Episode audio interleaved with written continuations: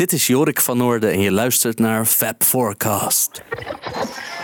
Ladies and gentlemen, The Fab Four. Fab Four. John, Paul, George, Ringo. Fab Four. We have for you the Fab Four. Fab Forecast. Ja, beste luisteraars, welkom bij deze speciale Abbey Road voor Dummies. Mijn naam is Michiel Tjepkema. Ik zit hier in de studio met Wibo Dijksma. En, Jan Kees de Brugge. Wij gaan in deze show iets bijzonders doen, want we gaan eens een keer niet enorm nerden op de vierkante millimeter. Maar zoals we al eerder een eh, show hebben gedaan over Sgt. Pepper voor Dummies, gaan we nu op dezelfde zeer oppervlakkige manier het Abbey Road album eh, behandelen. Zodat je oma ook kan luisteren, toch? Ja. Een keer. Ja, is toch leuk? Mijn oma, mijn zus, mijn, Hey, doch- zus, mijn ja. dochter van zes. Ja, ja, en waarom die Abbey Road eh, show nu? Ja, dat is natuurlijk, heeft alles te maken met het feit dat op eh, 26 september 2019 het 50 jaar geleden is dat het album uitkwam. En we zitten natuurlijk allemaal in spanning te wachten op de nieuwe box die uit gaat komen. Ja, en daarom leek het ons nuttig, eh, voordat we toch weer gaan nerden op de vierkante millimeter, om eerst eens een keer te kijken van wat is de bigger picture van dit album. Ja, want het is het laatste album dat de Beatles eh, hebben opgenomen. Maar niet het laatste album dat is uitgebracht. Nee. Hoe zit dat nou dan? Volgens mij is het zo. De Beatles hebben daarvoor een film gemaakt. Die heette Let It Be. En daar hoorde natuurlijk ook een LP bij. Dus eh, dat was eigenlijk eerst bedoeld als tv-show. En later werd het een eh, bioscoopfilm. Maar die moest gemonteerd worden. En eh, ze wilden natuurlijk de film tegelijkertijd uitbrengen met de LP. Nou, en die film was nog lang niet klaar. Dus toen hebben ze gedacht van... Nou, we gaan alvast weer verder met een nieuwe LP. Ja. En dat heeft ook een beetje langzaam is dat in elkaar overgelopen hoor. Want het einde van Let It Be loopt langzaam over in de nieuwe Abbey Road opname. Ja, precies. Dus ze hebben dan vanaf eh, april, die, die opnames van Let It Be zijn begin 69. Vanaf april wordt het echt serieus een beetje aan in Abbey Road. maart eigenlijk, al februari, we gaan ze al met I Want You bezig. Maar dat is dan nog voor Let It Be. Maar uiteindelijk verschijnt hij op Abbey Road. Dus het loopt langzaam in elkaar over. I Want You, eigenlijk, grappig dat je dat noemt, is eigenlijk het nummer wat echt het overgangsnummer is tussen die beide albums. Hè? Want je hoort Billy Preston, hoor je heel Hoi. dominant op Let It Be. Ja. En op I Want You, wat uiteindelijk op Abbey Road komt te staan. Ja. Zou je kunnen zeggen. Ja, zou je kunnen zeggen. En nou is er een soort mythe ontstaan. Dat komt denk ik door de Anthology-serie. Dat de Beatles op een gegeven moment in maart bij elkaar komen. En tegen elkaar gaan zeggen. We gaan samen met George Martin nog één keer op de oude manier knallen. Ja. En die mythe is eigenlijk de afgelopen tijd wel duidelijk ontkracht. Hè? Ja, Ja, zeker. Ja, George Martin is dan de producer van eh, de meeste Beatle-albums. Die eigenlijk op Let It Be een beetje buiten spel is gezet. ja. Eh, die tapes zijn uiteindelijk aan Phil Spector gegeven. Ook een hele bekende producer natuurlijk. Maar voor dit album eh, schijnt dus, hè, dat is de mythe waar Michiel het net over had... George Martin weer gevraagd te zijn door Ja. Paul McCartney van... produceer ons weer op de oude manier. En John doet ook mee en we luisteren weer naar je. En Ja. orchestreer weer. En, Ja. Dat is het verhaal. Dat is het maar verhaal. in werkelijkheid is het zo dat ze al halverwege de hele LP waren. En pas eind juni wordt George Martin erbij gevraagd. En dan hebben ze al heel veel nummers opgenomen. Ja. En dan komt George Martin erbij en gaat dan aan de medley beginnen. Dus ook dat is weer een prachtige mythe. Maar dat is nou wel zo mooi bij de Beatles natuurlijk. Hè. Ook die mythes zijn natuurlijk schitterend. Eh, Dat hoort er ook allemaal Ja, bij. ja. Ja. Het is echt eh, fantastisch. Maar het is ook wel, wel belangrijk, want George Martin zet wel zijn stempel op het album dan meteen. Zeker. Hij zet zeker zijn stempel eh, op het album. Ja, alle orchestraties die je hoort. Ja. En eh, de, Ja. de- eigenlijk de klassieke elementen die je hoort, die zijn allemaal van George Martin. Zeker. Heel mooi. Heel mooi. Echt ongelooflijk mooi. Ik Ja. denk misschien wel nog meer dan Pepper misschien nog dat hij hier zijn stempel op heeft gedrukt. Ja. En ook qua sound, hè? want de Beatles maken nu voor het eerst gebruik van een acht sporen recorder. Ja. Ja, wat is dat? Ja, je hebt, eh, als je opneemt in een studio, heb je voor eigenlijk voor tegenwoordig voor elk instrument een apart spoor. Zelfs voor een drumstel misschien wel twintig sporen. Zodat je gewoon alle aparte geluidjes kunt isoleren van elkaar. En als je uiteindelijk alles bij elkaar gooit, kun je bijvoorbeeld gitaar makkelijker harder zetten in de mix. En bijvoorbeeld de piano wat zachter of andersom. Je kunt daar veel meer mee spelen. Nu was het in de jaren 60 zo dat de Beatles eigenlijk alles op vier sporen hebben opgenomen. Ja. Pepper ook, hè? Eh, Sgt. Pepper op vier sporen. Ja. Dat is echt heel erg weinig. Ja, want als je, bedenkt- als je vier leden hebt, dan zet je elke lid op één spoor en dan ben je al vol. Ja. En dan kun je geen extra dingetjes meer erop zetten. Dus dan moet je weer van de ene bandrecorder naar de andere gaan. En dat is heel ingewikkeld en, en eindeloos gedoe. Ja. En, en nu hadden ze die vrijheid Ja, natuurlijk. maar ook nog met- maar acht. Hè, als je dat met nu vergelijkt. Nu kan je oneindig oneindig veel sporen gebruiken. En toen acht, dat was een luxe. Dat was gewoon een revolutie. Ongelooflijk. Laten we gewoon met het eh, allereerste nummer beginnen, jongens. Come together.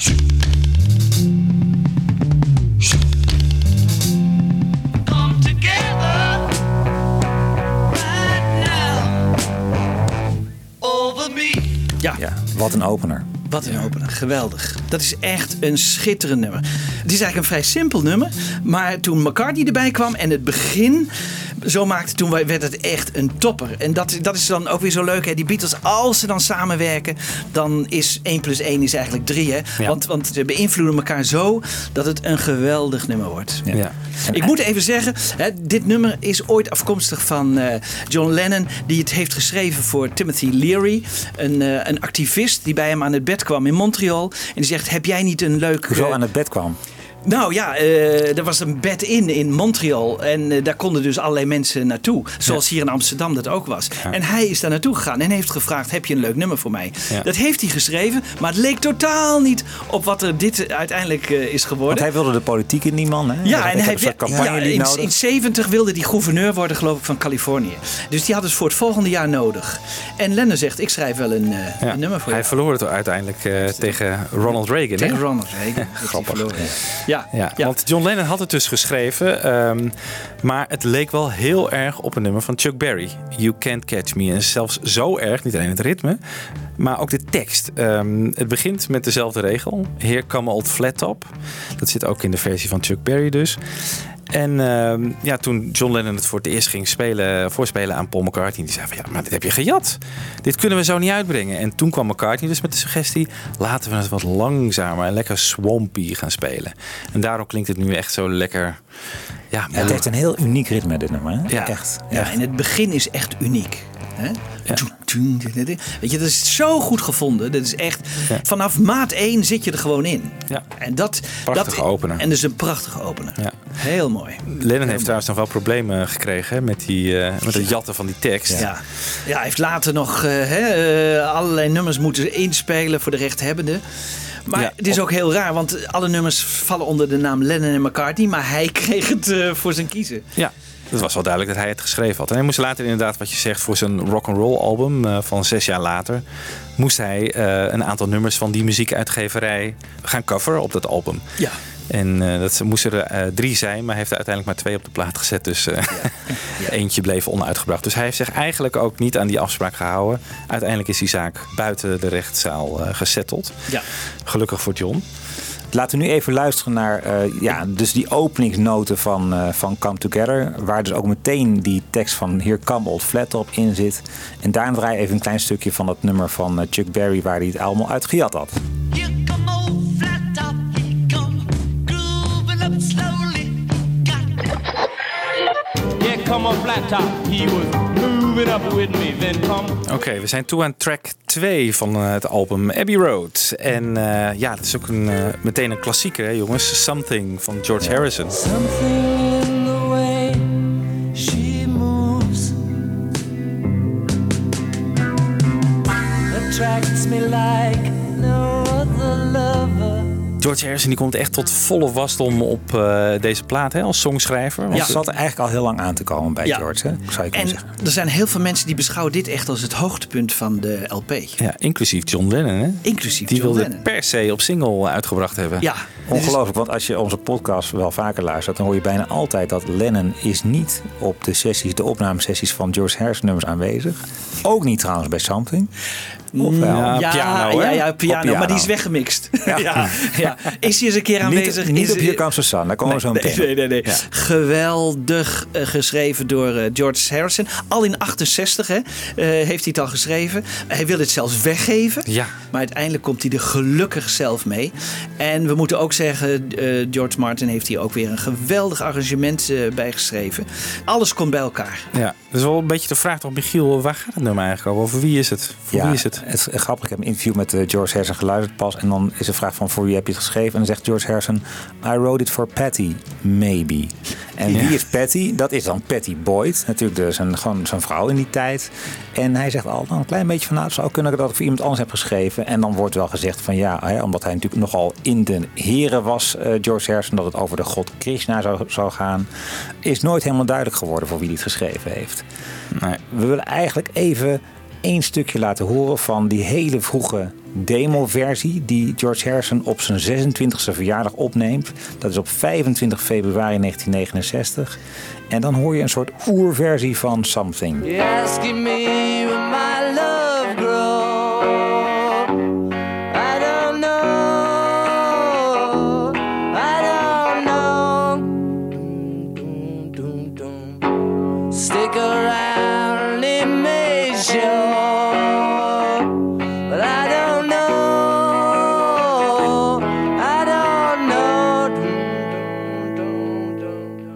Het Ja. was wel grappig. ehm, Frank Sinatra heeft het nummer later gecoverd. En die zei... eh, het beste Lennon en McCartney nummer.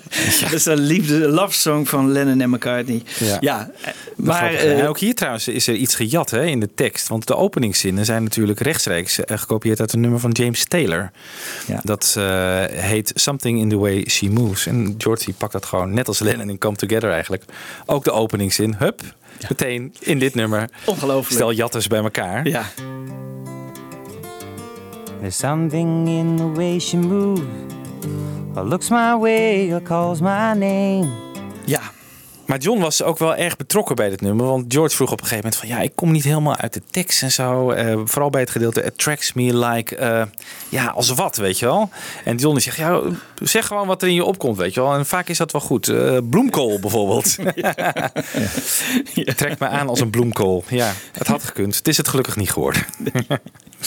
Het is ook na Yesterday het meest gecoverde Beatles nummer. Ook wel Ja. een aardig feitje om even te vermelden. Ja. Het is ook voor het eerst dat George Harrison zelf op de A-kant belandt. Dat was nog niet eerder gebeurd met een, een nummer van hem. Nee.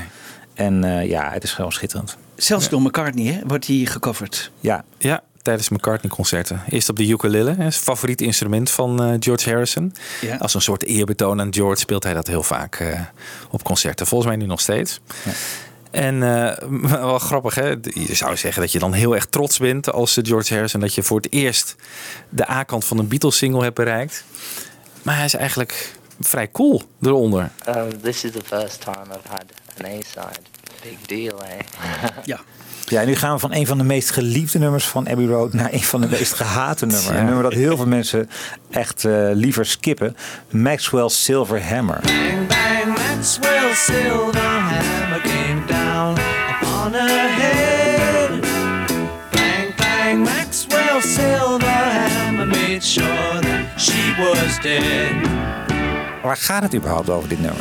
Ja, eh, Nou, iemand die met een hamer op de hoofden slaat van eh, studenten volgens mij, toch? Ja. Of- Heel sadistisch nummer eigenlijk. ja, eigenlijk wel. Ja, het is echt een absurdistisch nummer. Maar McCartney had wel die indruk van... Nou, dit is een lekkere melodie. Dit willen de mensen horen. Dit is een hit. Dit is een hit. Ja. Dit is een hit. ja. Maar, Ja, hij had ook wel in zekere zin daar een gevoel voor. Hè? We hebben een jaar eerder hebben we Obla die Obla daar gehad. Ja. Toen heeft hij zijn, eh, zijn bandleden ook tot uit een treuren vermoeid met dat nummer. Ja.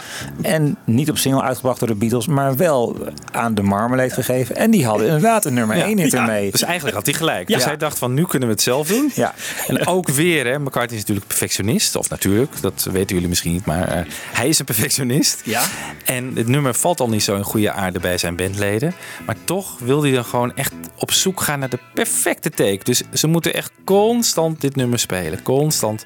En op een gegeven moment, ja, de anderen trekken het gewoon niet meer. John Lennon had toevallig op dat moment, geloof ik, eh, net een auto-ongeluk gehad. Ja. Dus hij was er niet bij. Het is de enige keer dat hij denk ik blij was dat hij in het ziekenhuis Nou, lag. Want ja. hij hoefde er niet bij te zijn. Ja. Maar ze hadden tijdens de Let It Be opname al dit nummer 40, 50 keer geoefend. En Lennon werd er helemaal gek van. En George ook. En toen moesten ze nog een keer 16 keer in Abbey Road doen.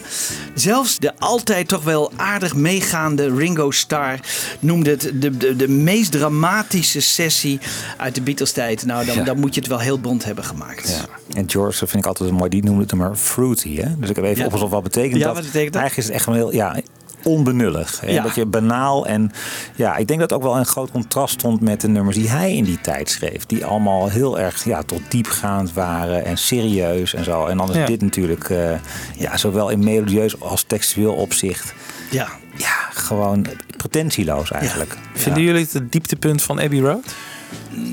Ik denk het eigenlijk wel. Ja, maar, misschien, eh, weet je, ik kan er niet meer echt eh, onbevangen over oordelen, omdat we er zoveel verhalen over kennen. Dat je denkt van, ja, maar is het nou zo Ja. erg? Of, Nou, dat eh, vind ik best een belangrijk punt. Want als je nu even, en dat heb ik wel eens gedaan onlangs, op Spotify gekeken van wie heeft het nummer nou eens, wel eens gecoverd. Want dat ben je benieuwd naar. Alle de Beatles nummers zijn veel gecoverd, eh, vrijwel allemaal. En ik was wel benieuwd wie heeft Maxwell dan gecoverd. En dan kom je opmerkelijk veel instrumentale versies van dit nummer tegen. En dan hoor je toch wel ook wel weer nummertjes waarvan je, eh, versies waarvan je denkt. Dit is best aardig. Het nummer heeft wel een zekere charme. Laat even een klein stukje Ja, horen leuk. van een, eh, een, een gitarist die een stukje van Maxwell speelt.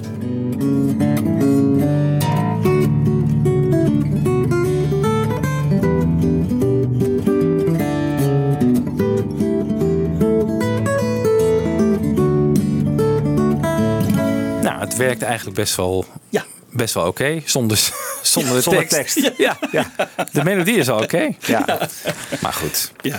Ja, ik moest weten nog dat ik vroeger op eh, muziekles op de middelbare school eh, kregen we dan een aantal Beatle-nummers die we dan met z'n allen zongen. En dat was Yellow Submarine natuurlijk, maar ook Maxwell Silverhammer. Ja. Ja. dat is eigenlijk een beetje een kinderliedje. Precies. Al, eh, die zaten er ook bij bij de Beatles.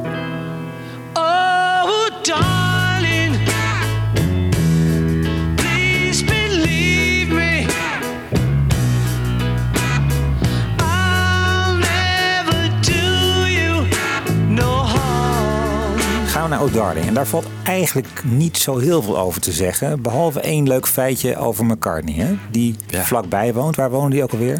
Cavendish Avenue, dat is echt een beetje om de hoek. Vijf minuten lopen vanaf eh, Abbey Road Studios. Ja. Dus die kwam elke ochtend gewoon eh, in een week lang gewoon eerder dan de anderen. Want die woonden allemaal in de buitenwijk hè, van Londen. Ja, dus heel ver. Die moesten echt Die moesten al een eh, uur rijden Tientallen kilometers. Ja, uren rijden door de, door de files bij Londen. Ja. En hij kon iedere ochtend daar naartoe. En hij vond eigenlijk, hij wilde een beetje een rauwe rock'n'roll stem hebben. Dat was zijn doel. En dat wilde hij bereiken door, net als hij eh, live op tournee was, dan schreeuwt hij. En dan krijg je een beetje een rauwe stem.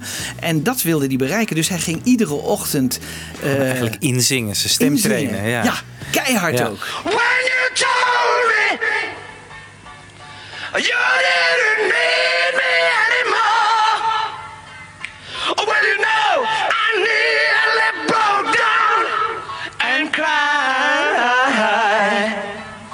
When you told me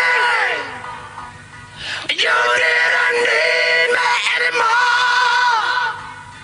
Well, you know, I nearly fell down and died.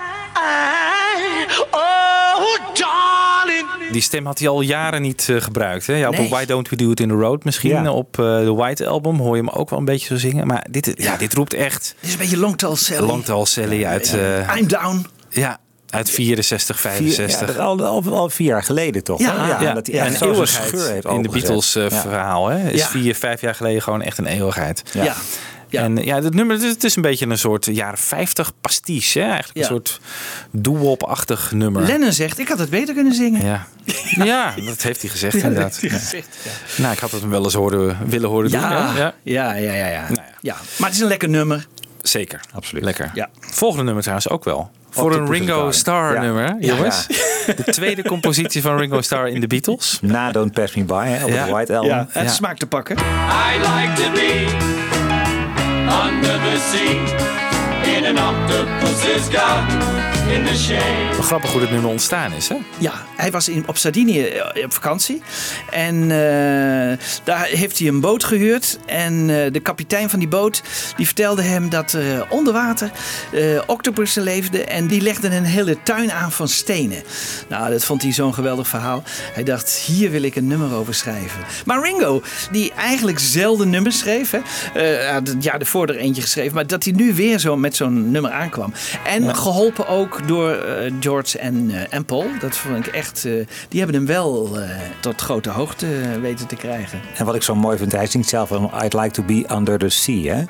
En wat hij eigenlijk een beetje schetst, ik wil weg van die Beatles. En hij schrijft het nummer natuurlijk op het moment dat hij zelf gevlucht is uit die verschrikkelijke af en toe eh, White Album sessies. Hè, waar hij het totale zelfvertrouwen als drummer heeft verloren. En hij wil gewoon weg zijn. Hij is natuurlijk ook letterlijk weg op vakantie. En daar wordt dit nog een soort extra metafoor voor. Van ik zou eigenlijk liefst gewoon onder water willen zitten. Weg Ja. van alle Beatles ellende in mijn eigen wereldje, mijn eigen bubbel.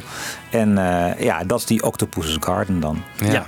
En heel mooi gitaarwerk van George Harrison hierin. Hè? Ja. Gewoon Ja. echt dat beetje zo'n country-achtig eh, geluid. Ja. George was ook erg enthousiast over dit nummer. Hè? Ze spelen het samen ook eh, in die Let It Be film ook. Ja, dat is zo mooi. Dat is zo mooi. dat is mooi Ze beginnen met z'n tweeën. Hè? Ja, Ja. ja. aan de piano Ja. eh, en, en dan, dan... Ringo op piano, niet helemaal niet slecht. Nee, helemaal niet slecht. En Kunnen dan we- valt John in. Ja? Op drums. Ja. En daarna zien we McCartney binnenwandelen met zijn stiefdochtertje Heather. Ja. En dan houdt iedereen op, hè? Dan Ja. opeens. Ja. Ja. ja. Er waren er al een beetje wat kille verhoudingen, denk Nou, ik. dat fragment dat is moet- trouwens bij dit, eh, dit album trouwens ook wel heel erg aan de hand. Hè? Want je moet je wel beseffen, een beetje de context waarin ze dit album maken. Er zijn enorme zakelijke eh, geschillen. Want drie van de Beatles willen met eh, Alan Klein. Alan Klein eh, de Beatles gaat managen. Paul McCartney wil dat absoluut niet. Die wil zijn schoonfamilie. Ja, zijn schoonvader, ja. Nou ja, dat wilde het andere Beatles niet. Nou, dat is ook wel ergens wat te begrijpen natuurlijk. Maar ja, die Alan Klein, joh, dat was een enorme boef. Ja. Dat was een enorme Ja, oplichter. Had Sam ja, ja. Cooke en de Rolling Stones hier al daarvoor eh, Ja, want ik, geloof dat Mick Jagger heeft de Beatles gewaarschuwd. Ga niet met die Alan Klein in zee. Maar Ja. eh, John heeft het toch gedaan. Dat ik toch gedaan. Ja. Dus er was echt wel wat dat betreft een tweespalt in de, in de groep. Wat altijd daarvoor gewoon alle beslissingen werden unaniem genomen. En nu was er voor het eerst een 3 tegen 1 situatie. Ja.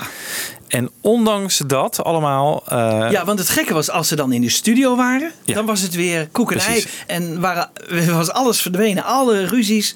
Ja, Ze dus ze konden muziek maken met z'n met vieren. Ja. Ook al lag het gewoon op persoonlijk en zakelijk vlak gewoon totaal uit elkaar. En dat is wel, als je dat beseft, dan, en dit album is daaruit voortgekomen, dat is wel echt heel erg bijzonder. zitten alweer aan het einde van kant A. Want ik beschouw het maar even als een kant A en kant B. Hè. En aan het einde van kant A vinden we een uniek nummer van John Lennon. I Want You. Uniek ja, in heel veel opzichten. Maar eigenlijk zie je dat Lennon eigenlijk altijd radicaal andere muzikale keuzes maakt dan hij eerder heeft gemaakt. Hè. En dit had hij nog niet eerder gedaan. Een nummer dat 7 minuten en 40 seconden duurt ongeveer. Ja, Ja, nu je en dat zo hoe, zegt maak, inderdaad. hoe ja. maak je dat Ja. nou 7 minuten interessant? Hoe doe je dat?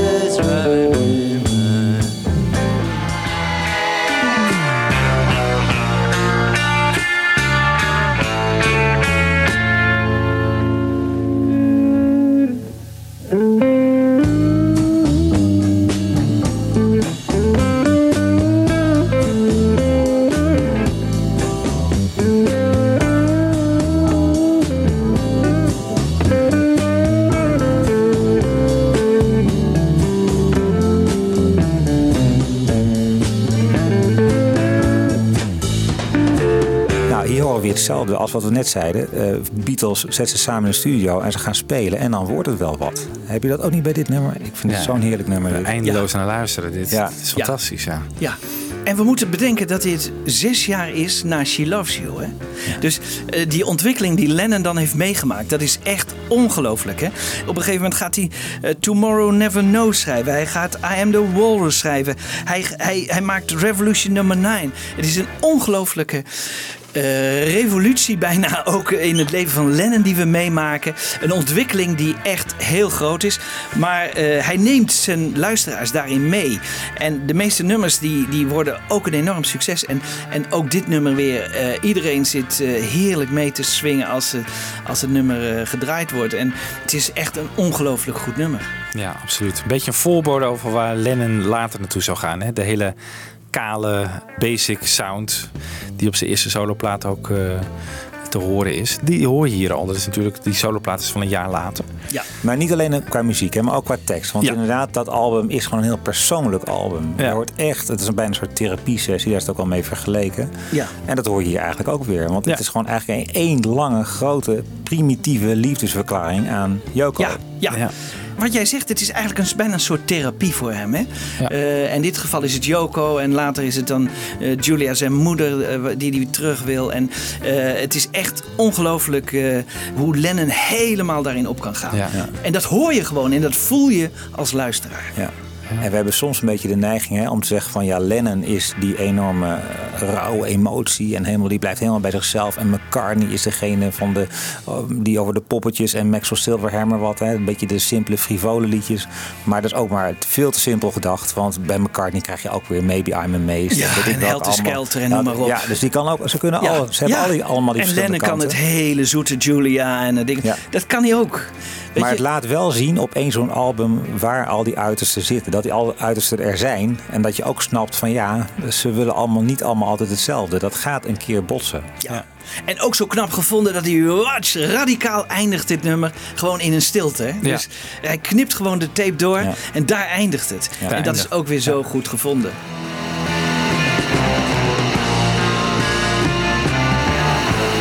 Zo, lekker abrupt. Einde van kant A ook meteen, hè? Ja. hier kan ook niks nakomen op een LP-kant, toch? Dit was een perfecte einde. Perfect einde. Perfect einde. Nou, we draaien de plaat om. of eh, we gaan verder luisteren op de CD. Het is maar hoe je naar Abbey Road luistert. Komen we bij eh, de tweede George Harrison klassieker. Here Comes the Sun. Here comes the sun. Here comes the sun. Say it's alright. Volgens mij het populairste Beatles nummer op Spotify. Heel leuk, hè? Maar kunnen jullie dat verklaren? Ik denk dat dat iets met optimisme te maken Positief, heeft. ja? Positief, ja. Ja? Eh, Lekker in het gehoor liggend. ja, Ja. Heel fris, Ja. heel catchy. Maar, er zijn meerdere Beatle-nummers. Ja. En dit was Ja. toch... Ja, het, is wel, het is wel bijzonder, hè? Ja, het is bijzonder. En het niet is ook wel klein, niet, niet met 100.000 luisterbeurten, maar met zomaar 2 miljoen meer streams of zo Ja. dan, dan, Ja. dan Yesterday en Hey Jude. Ja, Ja. ongelooflijk. Het is wel afkomstig van het best klinkende Beatles-album. Hè? Het modernst klinkende Beatles-album. Dus misschien dat het in deze tijd die sound wel het beste past. Ja. En waarom dan niet eh, Something of Come Together of zo. Maar ja, Here Comes Sun is misschien dan net wat, Ja. wat catchier, wat vrolijker. Ja. En Ja. die pak je er misschien Ja. lekker bij. eh. ja.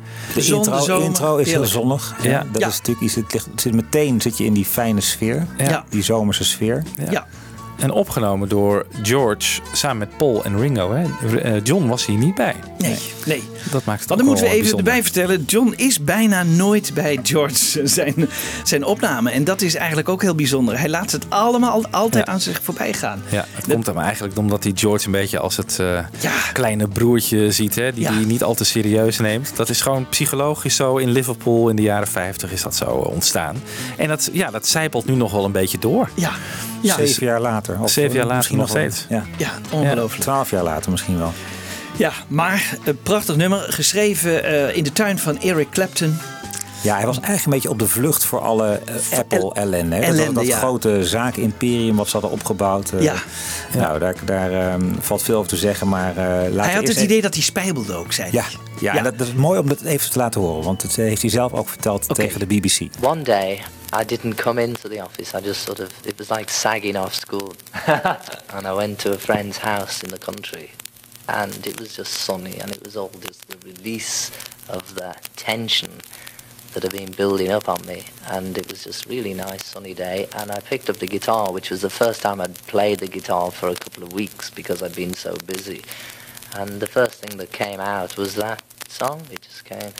And I finished it later when I was on holiday in Sardinia. Afkomstig van een eh, oude krakerige bootleg Ja, van dat moeten, Jan we wel, dat moeten we wel even erbij vertellen. Want eh, hè, eh, voor de jongere luisteraars, dit is van de plaat afkomstig. Er zit dus geen eh, knapperend haardvuur achter eh, George. Maar dit is echt een hele oude LP. Eh, dat was ook helemaal niet nodig, knappend haardvuur. Want eh, april 1969 is de meest zonnige maand sinds tijden in Engeland. Ja. En dat is wel grappig als we even de meteorologie erbij haalt. Die long cold lonely winter, die winter van 69 was ook heel lang en koud. Tot in maart extreem lage temperaturen. Ja. Maar april een heel zonnige maand. En dat is bij uitstek het maand dat, eh, komt de dat hij de nummers Ja. schrijft. Ja, misschien herinneren de luisteraars zich ook nog de rooftop concert van de Beatles. Dat ze bovenop Apple zitten te spelen. Nou, dan vernikkelen ze van de kou. Hè. Dat is in die, in die koude winter. Ja. Hebben allemaal de dikke bontjas aan. En eh, ja, dat was een vreselijke Ja. winter. Geen single geweest dit trouwens, hè? Opvallend genoeg. Had gekund, hè? Ja, zeker. Ja, Ja. Was gewoon een nummer 1 hit geworden. Zoals Ja. bijna alle Beatles singles. ja. Op Wel Strawberry apart Fields eigenlijk. Hè? Ze hebben ze hadden Come Together en eh, Something op een dubbele A-kant. Waarom doen ze dan niet eigenlijk gewoon twee singles en dan ieder een A-kantje en er een B-kantje bij? Hadden ze het toch ook kunnen doen? Ja. Waarom Ja. doen ze dat? Ja. Toch eh, onzekerheid van gaan ze wel scoren en hoe, wat gaan de DJ's draaien? Ik Ja, niet. misschien. Ja, en ze hadden natuurlijk ook niet materiaal over om op een B-kant te zetten. Normaal gesproken hadden ze altijd de filosofie, als ze een single uitbrengen, de A-kant staat ook niet op het album. Hè? Nee. En de B-kant al helemaal niet. Nee. Nee. Maar nu, ja, ik weet niet. Misschien waren er ook nieuwe gedachten in de platenindustrie van hey, je bent gek als je je single niet op het LP eh, zet. Ja. Misschien is dat begin eh, daarvan wel hier eh, te vinden. Ja. Maar dit waren inderdaad twee nummers eh, die gewoon op de plaats stonden, die op single werden uitgebracht. Maar waarom het dan zo populair is geworden, terwijl het geen single is geweest, maakt het nog des te bijzonderer Ja, eigenlijk. Dat hier kwam ze staan eh, nummer 1 staat in Spotify. Ja. En dan, jongens, gaat het door in het hemelse Because. Heel grappig. Dit is een nummer eh, van John, wat, wat ook veel mensen niet zouden verwachten. Het is prachtig ingezongen. Drie stemmen, hebben ze nog een keer drie keer herhaald, nog een keer drie keer herhaald. En dan krijg je dus negen stemmen met elkaar. En eh, het is eigenlijk gebaseerd op de Moonshine Sonate van Beethoven. Jij zei net dat ze uiteindelijk negen keer te horen zijn. We laten ze nu even met z'n drieën horen. Because the world is round.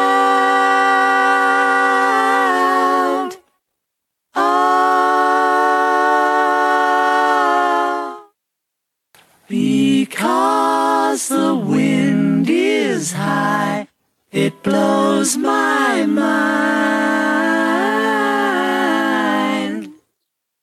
Because the wind is high.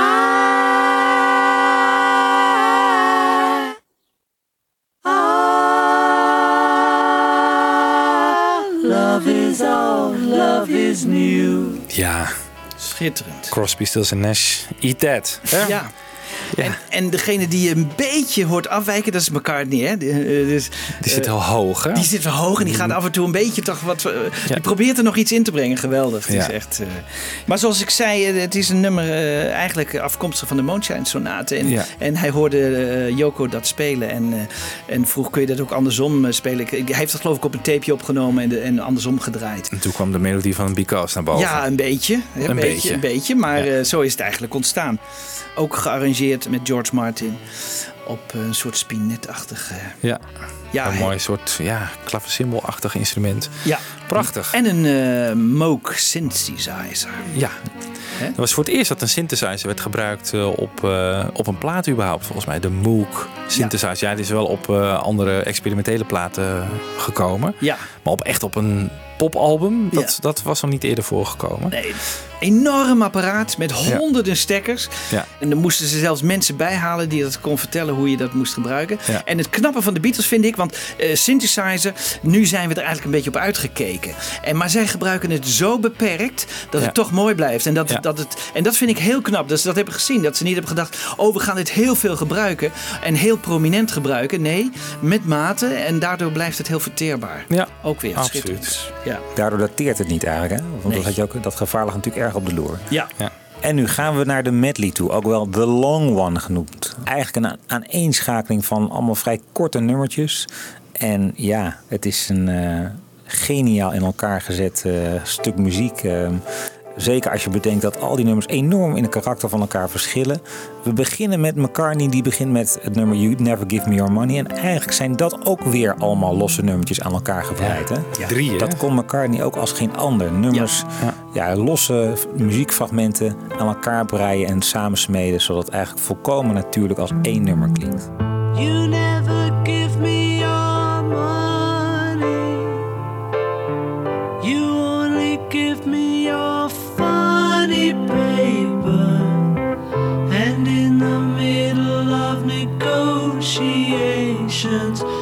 break down. Overigens, eh, we hebben het net gehad over McCartney die af en toe onzinteksten kan maken. Maar deze tekst die kwam wel hard aan. Want dit ging over Ellen Klein, waar we het over gehad hebben. Die manager, waar hij geen geld van kreeg. Hè? Dus, en Lennon moest er wel om lachen. Maar eh, dit is toch echt een aanklacht tegen... Wat McCartney niet vaak doet. Maar dit is echt een aanklacht tegen hun manager. Dus eh, dit snijdt echt hout. Maar ook weer een mooi nummer. Mooi pianospel ook. Het was ook een mooie manier natuurlijk om al die kleine losse fragmentjes die ze hadden geschreven. Je hebt als songschrijver liggen er gewoon wel gewoon misschien een coupletje ergens dat je nooit hebt afgemaakt. Dat hebben ze nu gewoon allemaal op één hoop gegooid. Nou ja, wel heel erg subtiel aan elkaar ge- gelast. Ja. Maar op die manier konden ze ook van die nummers af. Weet je, wel? dan konden ze het in de medley stoppen. En het, ja, het resultaat is prachtig. Na You Never Give Me Your Money eh, gaat het over in Sun King. Laten we even de inspiratie eh, voor dit nummer horen. Want het was namelijk Albatross van Fleetwood Mac.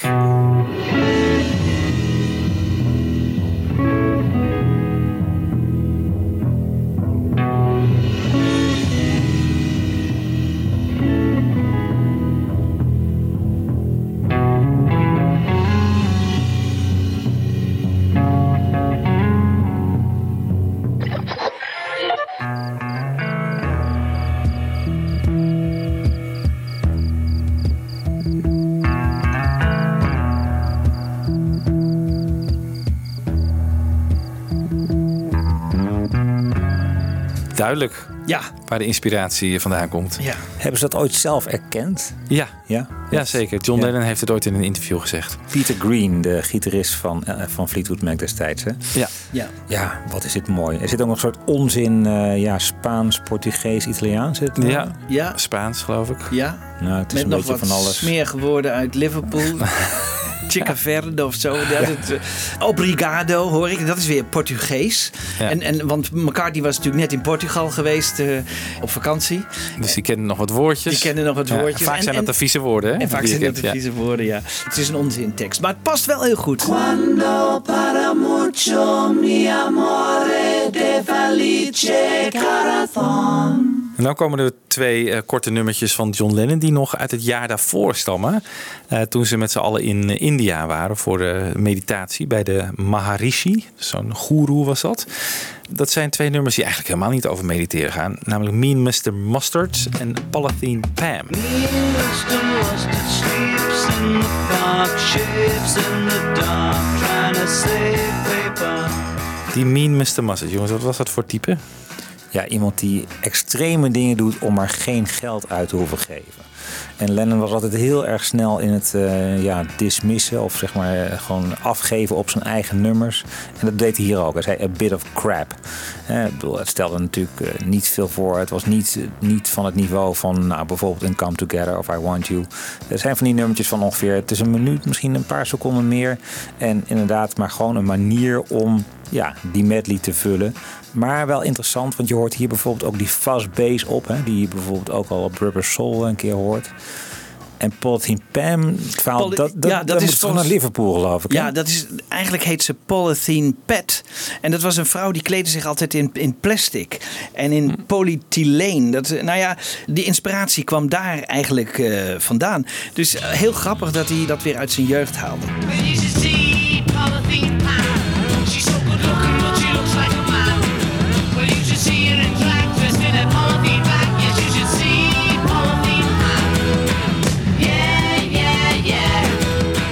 Came In Through the Bedroom Window is dan eh, een verhaal over een fan. Hè? Want Paul McCartney woonde, zoals gezegd, vlak bij de Abbey Road Studios in eh, Cavendish Avenue. Een mooi eh, herenhuis.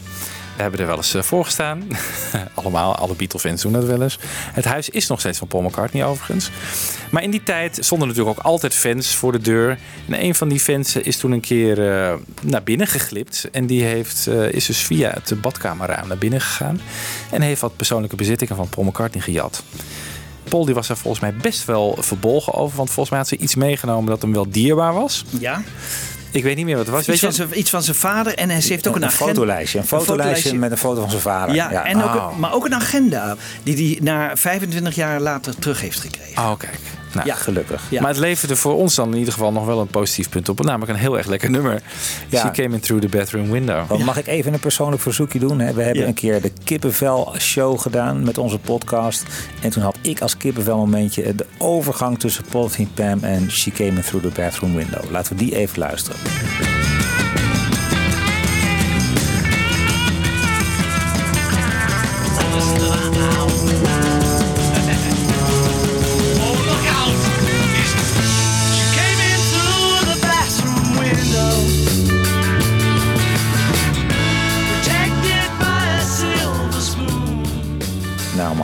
Staat bij jullie eh, haar ook weer recht over? Ja, ja, ja, ja, ja, geweldig. Ja, mooi. En hierna gaat die, die medley een klein beetje van karakter veranderen, valt mij dan op. Ja. Hij wordt wat ernstiger. Er komt wat- ook een stilte in eigenlijk. Hè? Het loopt Ja. niet over. Nee. Eh, een hele korte stilte en dan komt Golden Slumbers. Once there was a way to get back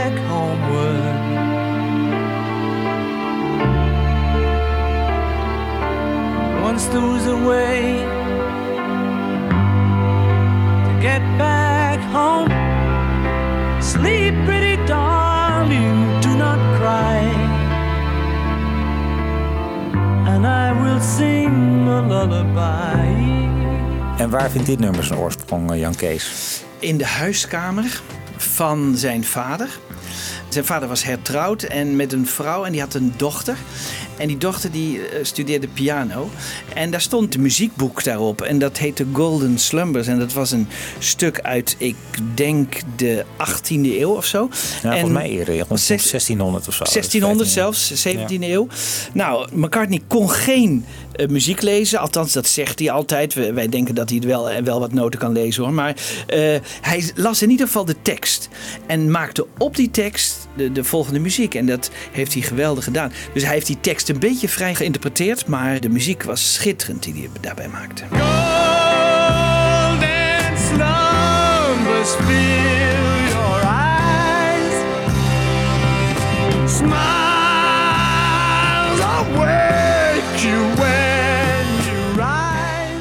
Ja, Golden Slumbers gaat dan verder hè, in eh, Carry That Weight. Daar zit ook weer een melodielijn van You Never Give Me Your Money in. Dat, dus dat pakt weer terug naar iets eerder in de medley. Eh, ook wel vaak gebruikt hè, in medleys, dat je even teruggrijpt naar dingen die je eerder hebt laten horen. Ringo Starr hoor je duidelijk eh, boven alles uit in het refrein van Carry That Weight. Wel grappig om even te horen.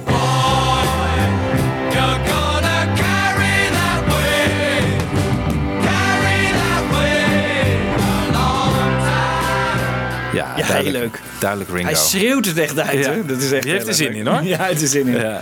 Ja. En dan, ja, hoe kan je een plaat beter eindigen dan met eh, een nummer dat The End heet? Ja. Met de prachtige woorden, and in the end, the love you take is equal to the love you make. Ja. John Lennon heeft al gezegd, een van de mooiste tekstregels die Paul McCartney ooit heeft geschreven. Nou, dat is een heel, heel compliment voor Lennon. Dat zal hij Ja. niet vaak doen. Ja. En hier horen we eigenlijk de Beatles ook op geniale manier musiceren. Eigenlijk alle vier. Want we horen eerst Ringo. Al na een seconde of 21 komt er een Ja, maar moet je even drumsolo vertellen. in. Ja, maar daar had hij een hekel aan, hè? Hij wilde helemaal geen drumsolo. Nee, nee. Maar hij is er toe gezet. En, hij- en als hij het dan doet, dan doet hij het wel weer geweldig. Ja.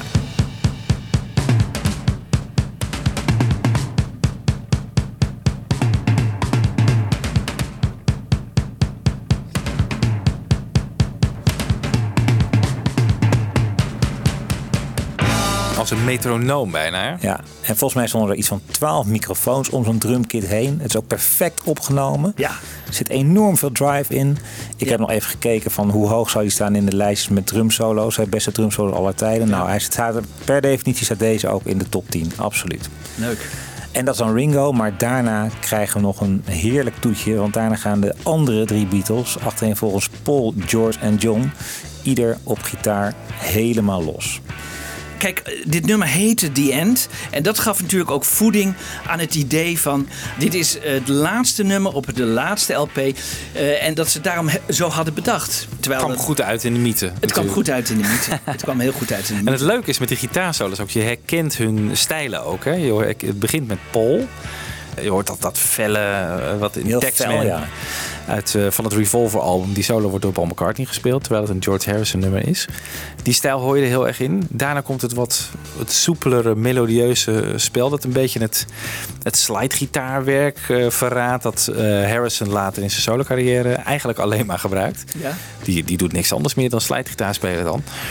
En daarna hoor je eh, John Lennon, die eigenlijk. Je hoort dat hij de ritmegitarist is van de, van de groep. Want hij speelt heel erg ritmisch solo. Niet Ja. heel erg ingewikkeld, maar gewoon echt ook met power. En, zo. Ja, is en, heel- en heel rauw. Heel Ja, rauw. en ook heel Ja. rauw. Er zit, ik bedoel, er zit absoluut niet geen. Het is niet mooi. Nee. Dat is niet het doel. Als McCartney nu live speelt, hè, speelt hij dan zijn eigen gitaarstuk zelf? Geen idee. Nee, het, het klinkt ook heel anders. Ja, live. oh ja, ja, ja. Ze, ze, improviseren meer. Ja, het is meer improviseren, Ja, ja, inderdaad. ja, ja. ja, ze gaan ook langer door, geloof ik, dan eh, op, in de live versie. Maar luisteraars die, eh, die de kans krijgen, moeten echt McCartney dat ook eens live voor. eh, Ja, als je nog eh, langskomt natuurlijk. hè? komt nog wel. Jawel. Laten we even naar die eh gitaarsolo luisteren. Kijken of je achtereenvolgens eh Paul, George en John herkent.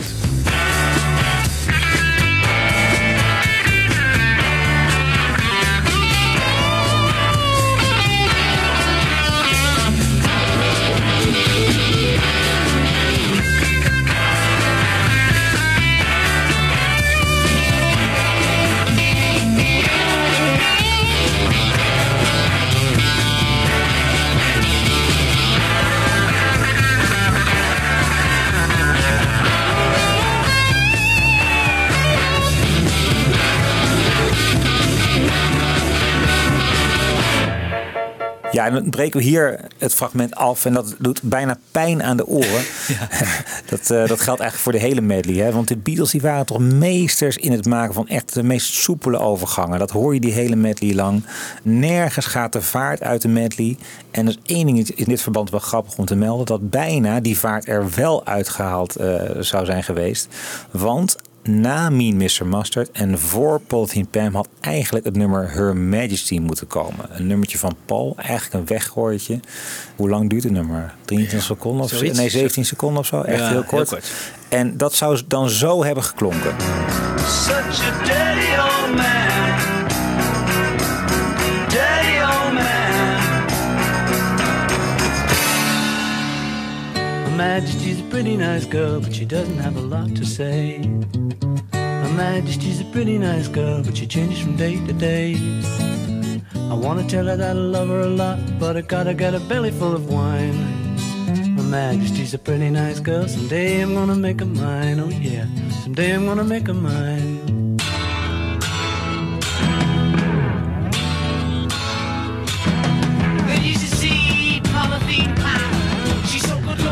En ja, hier zijn we het over eens, man. Dit werkt niet. Nee, dat haalt de vaart eruit. Ja. Ja. Ja, enorm. Ja.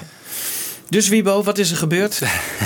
Nou ja, gelukkig eh, was Paul ook voor diezelfde mening eh, toebedeeld. En die zei van, eh, tegen de technicus, die heette John Curlander... knip het er maar uit en ja, gooi het maar weg. Maar die John Curlander die dacht van, ja... Ik heb een opdracht gekregen. Ik mag nooit iets weggooien wat de Beatles ooit hebben opgenomen. Dus die plakte dat voor de gein helemaal aan het eind van de band. Na het laatste nummer, die end. En dat duurde dan, zat er een pauze in. En dan ho- 17 seconden, geloof 17 ik. seconden. En op een gegeven moment, opeens hoorde je dat nummer. En toen ze het album aan het doorluisteren waren, toen hoorde McCartney dat. Die dacht van, ah, is eigenlijk best wel grappig.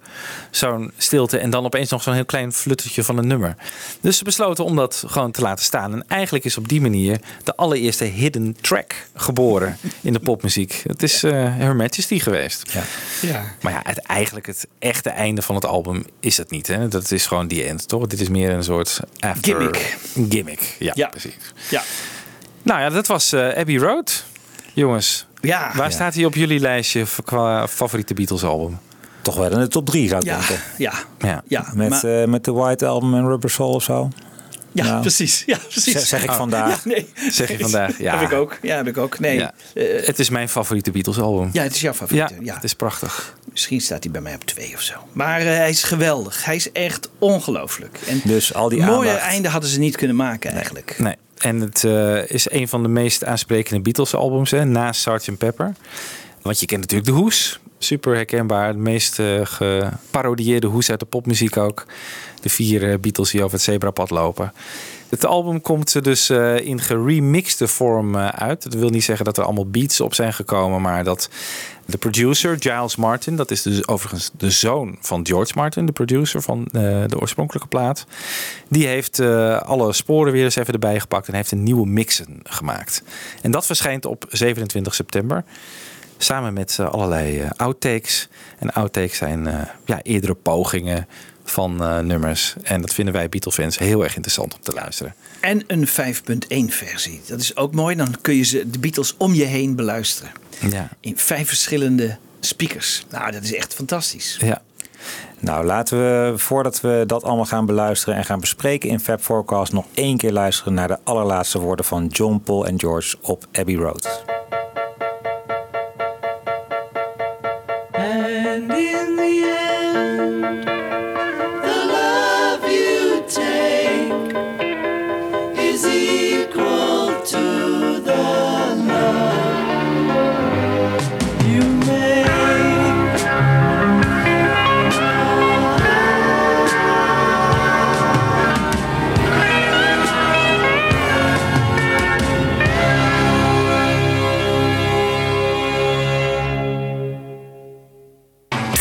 Forecast. Geniet je van Fab Forecast? Laat dan een fijne review achter in iTunes. En geef ons meteen even lekker veel sterretjes. Dat helpt andere luisteraars weer om ons te vinden. Heb je vragen? Mail dan naar fabforecast.gmail.com of kijk op onze pagina's op Facebook en Twitter. En de afleveringen van Fab Forecast zijn ook te beluisteren via beatlesfanclub.nl.